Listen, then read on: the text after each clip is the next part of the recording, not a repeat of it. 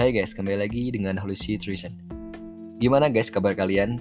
Pendengar podcast Halusi Trition, gue harap kalian semua tetap dalam kondisi yang sehat.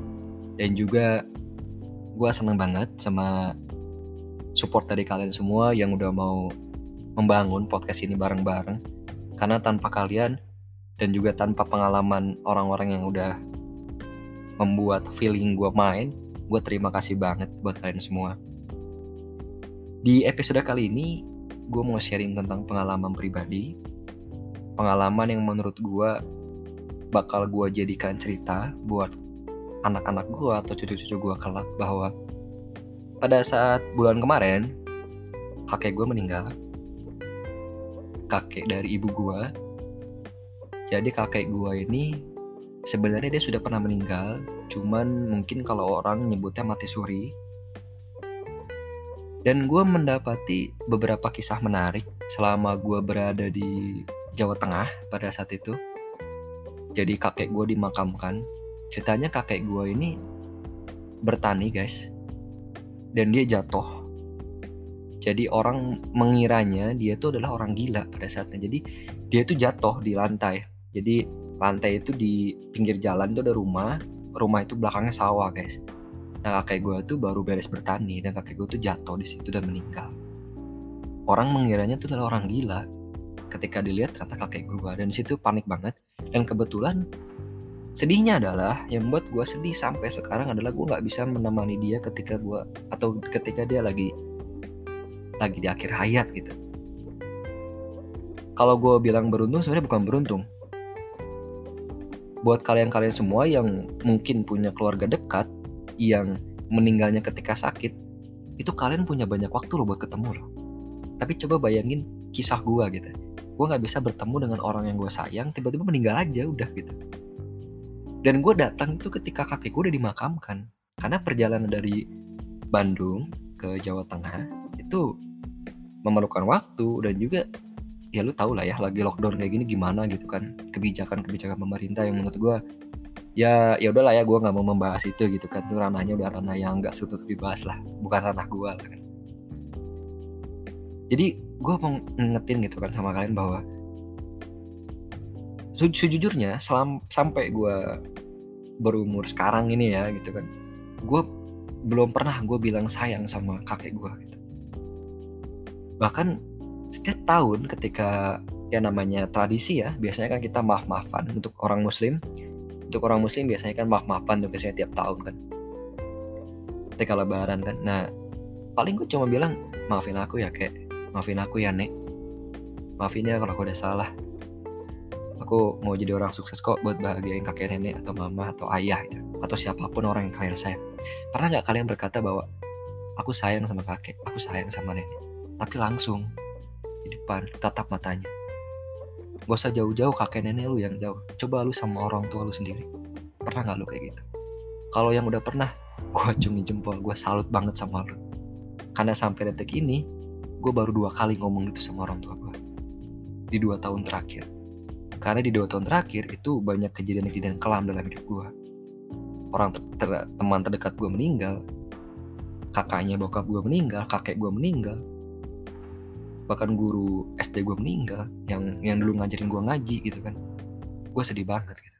Jadi buat lu semua yang berani ngomong sayang sama orang yang lu cinta selain pacar ya jujur kalau pacar gue udah udah kenyang lah ya kita semua udah bicara soal pacar kenyang.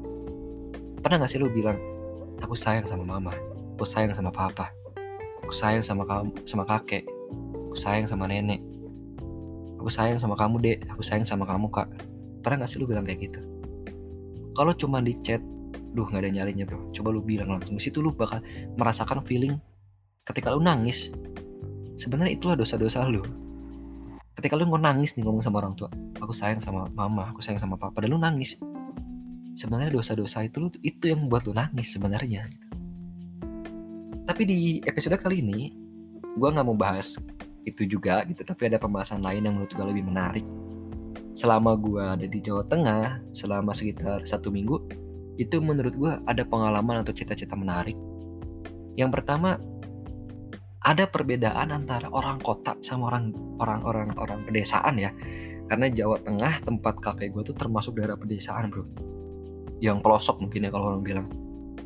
Jadi gue melihat dari pertama uh, jadi ketika kakek gue dimakamkan itu gue baru perjalanan dari Bandung ke Jawa Tengah. Dan ketika gue datang kan kakek gue sudah dimakamkan. Dan di beberapa jam kemudian ada ambulan yang datang. Jadi ada warga di daerah kampung situ juga yang sakit gitu guys. Dia sakit. Bayangkan jadi daerah kampungnya kakek gue itu itu termasuk daerah yang pelosok. Tapi pelosoknya itu dia sudah ada jalan guys. Jadi jalannya itu sudah sudah berbentuk batu dan pasir. Jadi bukan yang benar-benar tanah full itu enggak. Jadi dia udah memang desa yang sudah ada perkembangan tapi belum masuk ke daerah yang maju lah ibaratnya kayak gitu kan. Masih daerah kampung lah. Itu dari pintu gerbang masuk guys masuk gapuranya dusun lah ya kalau gue nyebutnya dusun lah guys. Dari pintu depan dusun sampai masuk ke dalam ke tempatnya si orang yang sakit ini yang di depan itu itu orang semua keluar guys. Bayangin. Semua orang keluar. Keluar dalam arti kata bukan orang yang cuma nongol di pintu aja. Dia tuh sampai turun ngikutin mobil atau ambulan yang mau jemput orang itu diikutin sama dia gitu. Coba lu bayangin di zaman sekarang di kota ada nggak kampung atau atau etika moral atau naluri orang ketika melihat tetangganya sakit atau ada ambulan yang mau care gue rasa jarang untuk saat ini untuk untuk sekarang itu udah jarang banget guys. Gue sering kok lihat bahkan di jalan-jalan ibu kota mau Jakarta mau Bandung kota-kota yang penat ketika ada ambulan lewat gue rasa bukan mau buka jalan atau mau, mau nolongin ambulan itu bukan tapi mau ngikut di belakangnya dia gue rasa kayak gitu deh. Karena gue mengalami hal yang sama ketika ada ambulan lewat dalam pikiran gue itu bukan tercetus etika dalam diri gue oh gue harus buka jalan. Gimana caranya ambulan ini sampai tempat tujuan tepat waktu? Karena ada orang yang menunggu di situ gitu. gue itu etika moral kan? Perasaan seseorang itu seharusnya kalau masih punya jiwa manusia itu akan muncul hal seperti itu. Tapi lebih banyak orang yang berpikiran bahwa oh ada ambulan lewat berarti gue ngikut aja nih di belakangnya dia nih biar cepet jalannya gue dan itu banyak banyak banget bro sampai sekarang. Di zaman saat ini di kota itu banyak yang kayak gitu. Dan di desa orang itu lebih care satu sama lain. Bahkan ketika ada tetangganya sakit sanak saudaranya sakit di situ bro jujur gue salut sama orang yang mungkin lulus semua pendengar-pendengar gue ada yang berasal dari daerah-daerah pedesaan. Gue harap jujur mungkin lu pernah mengalami di mana lu diremehkan sama orang yang dari kota? Lo dibilang lu orang kampung lalu dibilang orang desa. Jujur buat lu yang mendengarkan podcast gue gue mau bilang sama lu bahwa lu tuh sebenarnya pelopor-pelopor orang yang masih punya jiwa nurani bro. Buat dulu semua nih yang berasal dari desa yang lu masih benar-benar murni dalam lu pikiran cobalah bro bawa pengaruh positif lagi buat orang-orang. Sehingga orang-orang ini kembali lagi bro jiwa jiwa untuk bisa paham naluri manusiawi itu muncul lagi gitu.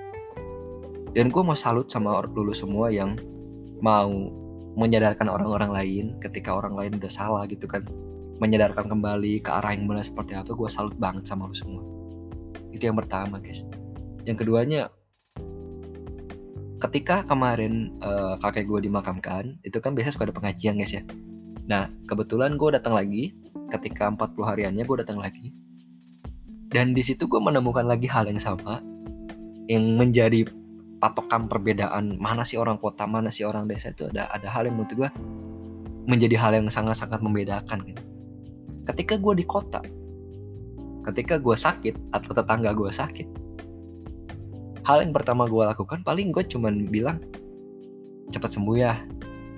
Ini gue bantu ini gue kasih kue kayak gue kasih uang kayak habis itu gue cuma bilang cepat sembuh ya bro. Cepat sembuh ya. Habis itu gue pulang. Tapi ketika lu menemukan di desa di pedesaan yang kultur atau tradisinya masih jalan lu bakal menemukan orang-orang yang mau nungguin orang sakit sampai berminggu-minggu. Bukan hanya nungguin tapi dia bakal ngurusin rumah elu, ngurusin makanan elu, ngurusin ternaknya elu, ngurusin sapinya elu, ngurusin ladangnya elu, itu orang yang di desa guys. Dan ketika gue tanya pernah gue tanya ketika kemarin gue 40 hari gue ketemu sama orang gue nanya gini itu di rumah nggak ada kerjaan lagi? Mbah gue kan nyebutnya mbah ya kalau di sana kan sama orang lain yang lebih tua kan nggak nggak kakek bro. Kakek itu bahasa kota. Gue nyebutnya mbah. Itu mbah di rumah nggak nggak ada kerjaan lagi? Maksudnya di sini kok sampai dua hari tiga hari? Enggak toh besok juga kita bakal mati kita juga butuh orang lain yang bakal bantuin kita. Dan situ gue ter sedih gue bener-bener kayak ngerasa kenapa gue nggak kenapa di kota tuh nggak kayak gini? Kalau di kota kayak gini gue rasa nggak ada orang yang slack kiri kanan tuh nggak ada nggak ada orang yang bilang itu mah anaknya PNS kamu mah bukan PNS terus nggak ada lagi bilang itu mah motornya bagus. Ini motor gue lebih bagus. Nggak ada lagi yang kayak gitu. Gue rasa kalau satu sama lain orang saling care satu sama lain saling punya naluri untuk saling memahami. Naluri untuk saling mengerti. Gue rasa seperti itu guys. Kalau ilmu yang ada di desa itu dibawa ke kota. Karena mungkin ada perbedaan. Ketika di desa semua tuh rata. Yang jadi patokan sombong itu cuma satu. Lu punya ternak apa enggak? Lu punya ladang apa enggak? Kalau di kota patokannya banyak. Lu punya mobil lu punya motor punya rumah punya uang banyak punya anak yang bisa dibanggain. Kalau di desa nggak ada bro lu udah SD SMP lu masih syukur bisa sekolah. Masih syukur orang tua bisa sekolah lu sampai SMP syukur-syukur lu sampai SMA mungkin itu yang menjadi patokan pembedaan jelas sekali gitu kalau gitu kota sama desa. Dan yang selanjutnya yang menurut gue menjadi perbedaan pengalaman gue kemarin gitu ketika gue berada lama gitu di Jawa Tengah gue melihat tata krama perbedaan tata krama antara anak-anak di kota sama anak-anak di desa gitu. kalau anak-anak di kota gue melihatnya bahwa ketika dia lebih jago daripada orang tuanya dia nindas sama orang tuanya. Contoh orang tuanya nggak ngerti operasional HP itu seperti apa. Dan ketika lu lebih anak-anak milenial Z ya di zaman sekarang lu paham kendali gadget itu seperti apa. Bahkan contoh sederhananya lu buka kamera aja orang tua lu nggak bisa buka kamera lu bisa buka kamera ketika orang tua orang tua lu nanya sama lu deh ini gimana sih buka kamera? Di situ lu marah-marah sama orang tua masa gini aja nggak bisa? Masa ini nggak ini nggak bisa? Dan ketika lu diajarin sama orang tua lu nih mama ajarin ya caranya masak buat yang cewek guys ya. Caranya masak caranya ini buat lu semua pendengar pendengar gue yang cewek. Lu harus bisa masak guys.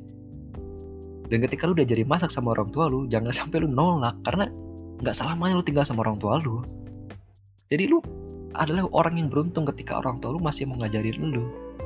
Lu coba tengok orang-orang lain yang orang tuanya udah pada nggak ada.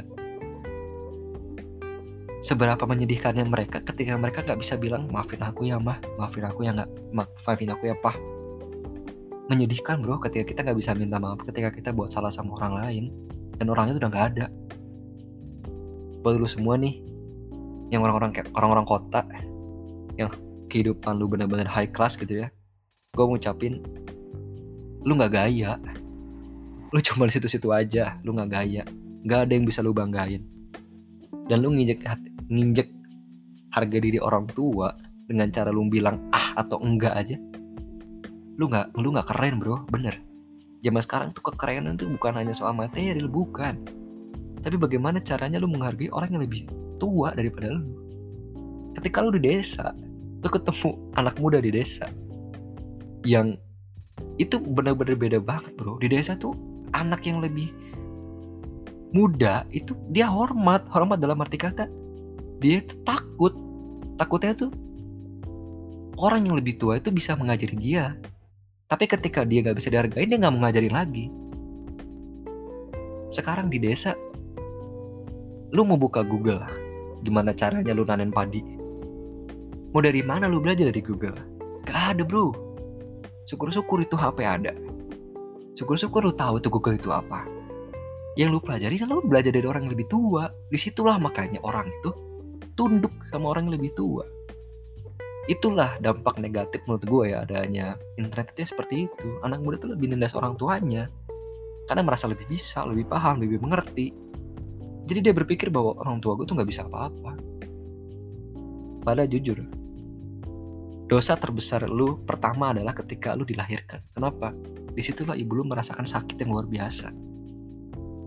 Lu aja udah bikin satu dosa membuat orang tua lu sakit dan menangis. Ngapain sekarang lu bikin dosa-dosa lagi? Coba lu berpikir sejauh itu deh. Dosa lu dilahirin aja udah berat. Apalagi apalagi lu bikin dosa yang panjang-panjang panjang lagi. Gue rasa nggak masuk akal lah bro kalau tetap lakukan kayak hal kayak gitu gitu ya. Dan juga yang terakhir yang menurut gue menjadi pembeda banget gitu ya. Berbela sungkawa langsung gitu. Lu pernah gak sih ketika temen lu meninggal atau tetangga lu meninggal dan lu berpikir bahwa orang lewat media sosial atau WA sama ketemu langsung sama-sama kok. Orang dia juga bisa baca keluarganya bisa baca. Atau ketika lagi sakit dia juga bisa baca kok WA gua. Sekarang banyak loh yang kayak gitu dengan dalih atau yang muslim ya biasanya di media sosial atau di WA itu bisa pakai bahasa Arab. Tapi tetap aja ketika lu menghargai seseorang itu lu bakal datang karena kata-kata yang gue dengar dari seseorang dari dari mbah ya gue sebut aja mbah karena orang yang lebih tua di kampung tuh sebutnya mbah kalau di Jawa Tengah bro. Ketika gue tanya kan pade itu mbah-mbah itu gila ya satu kampung datang ke sini cuman mau ibaratnya mau jenguk orang yang sakit gue bilang. Jawabannya pade itu apa? Yang pertama itu tradisi kan orang sakit itu adalah udah sepatutnya kita buat buat ini buat buat datang. Yang keduanya suatu saat kita juga bakal mati atau suatu saat kita juga bakal sakit. Mau sakit atau mati orang cuma ngabarin kita lewat media sosial. Nggak mau datang yang dibutuhkan tuh doa loh bukan cuma sekedar say hi atau say sorry yang dibutuhkan tuh datang dan di situ gue pikir bahwa ternyata iya juga ya ketika ini buat pendengar-pendengar gue nih kalau lu menghadapi suatu kondisi di mana tetangga lu sakit teman-teman lu sakit cobalah buat datang. Ketika lu santai, cobalah buat datang. Atau ketika lu sibuk, cobalah buat ngasih waktu dikit aja. Karena itu bakal berharga banget buat orang yang sedang menghadapi kesulitan, bro. Itu sangat berharga banget. Dan gue pernah pernah merasakan hal seperti itu ketika gue lagi sakit. Orang cuma saya sorry aja, sorry I cannot there gitu ya. Aku nggak bisa di sana terus ya seperti itulah. Dan itu gue merasakan bahwa gue butuh seseorang gitu yang datang dan GWS ya itu benar-benar ngena banget dalam hati bro dan itu beberapa hal yang menurut gue menjadi pandangan gue bahwa terjadi perbedaan etika di kota dengan di orang desa yang menurut gue jujur gue salut sama orang-orang yang orang-orang pedesaan. Mereka masih punya karakter yang kuat tradisi yang kuat dan juga etika yang kuat moral yang kuat. Dan itu sebenarnya yang kita butuhkan tuh hal, -hal seperti itu. Itulah hal-hal yang dibutuh dibutuhkan dari orang kota dari orang desa. Itu yang sebenarnya dibutuhkan. Dan itu karena nggak ada di kota. Karena ketika lu diajari sama guru lu ya kan dia cari tata krama sopan santun etika itu cuman masuk telinga kanan kok telinga kiri. Kenapa? Karena aplikasinya orang tua lu atau orang yang lebih senior daripada lu atau lingkungan lu tuh nggak mengajarkan hal seperti itu. Lebih banyak waktu lu di rumah daripada di sekolah sebenarnya. Sekarang sekolah berapa jam sih? Ujungnya sisanya lu harus menerima banyak informasi masukan eksak lah fisika matematika. Sedangkan etika sopan satu sebenarnya sebentar yang dibutuhkan cuma bukan bukan teori aja tapi aplikasi. Itu yang menurut gue bener-bener gue pingin banget gitu. Kalau gimana caranya orang-orang yang udah kenal gadget orang-orang yang udah head on yang lifestyle-nya tinggi coba deh belajar tentang etika belajar tentang moral. Gak usah jauh-jauh gak usah jauh-jauh lu menghargai orang coba hargai diri lu sendiri. Karena menjadi orang bijak itu ketika lu menghargai diri lu sendiri lu bakal menjadi orang yang bijak buat diri lu sendiri. Artinya lu bisa membenarkan mana yang salah mana yang benar mana yang gua harus lakuin mana yang enggak gua harus lakuin itu buat pendengar-pendengar gua. Gue ucapin terima kasih banyak. Mungkin di episode selanjutnya gue mau sharing-sharing lagi sama kalian. Terima kasih banyak udah mendengarkan podcast ini. Sharing juga sama teman-teman kalian. Dan juga pantengin terus Instagram Holy Reason. Karena di next episode gue bakal sharing-sharing sama, sama kalian tentang apa pun itu yang menurut gue enak banget dibahas bareng sama kalian. Terima kasih guys. Sampai jumpa.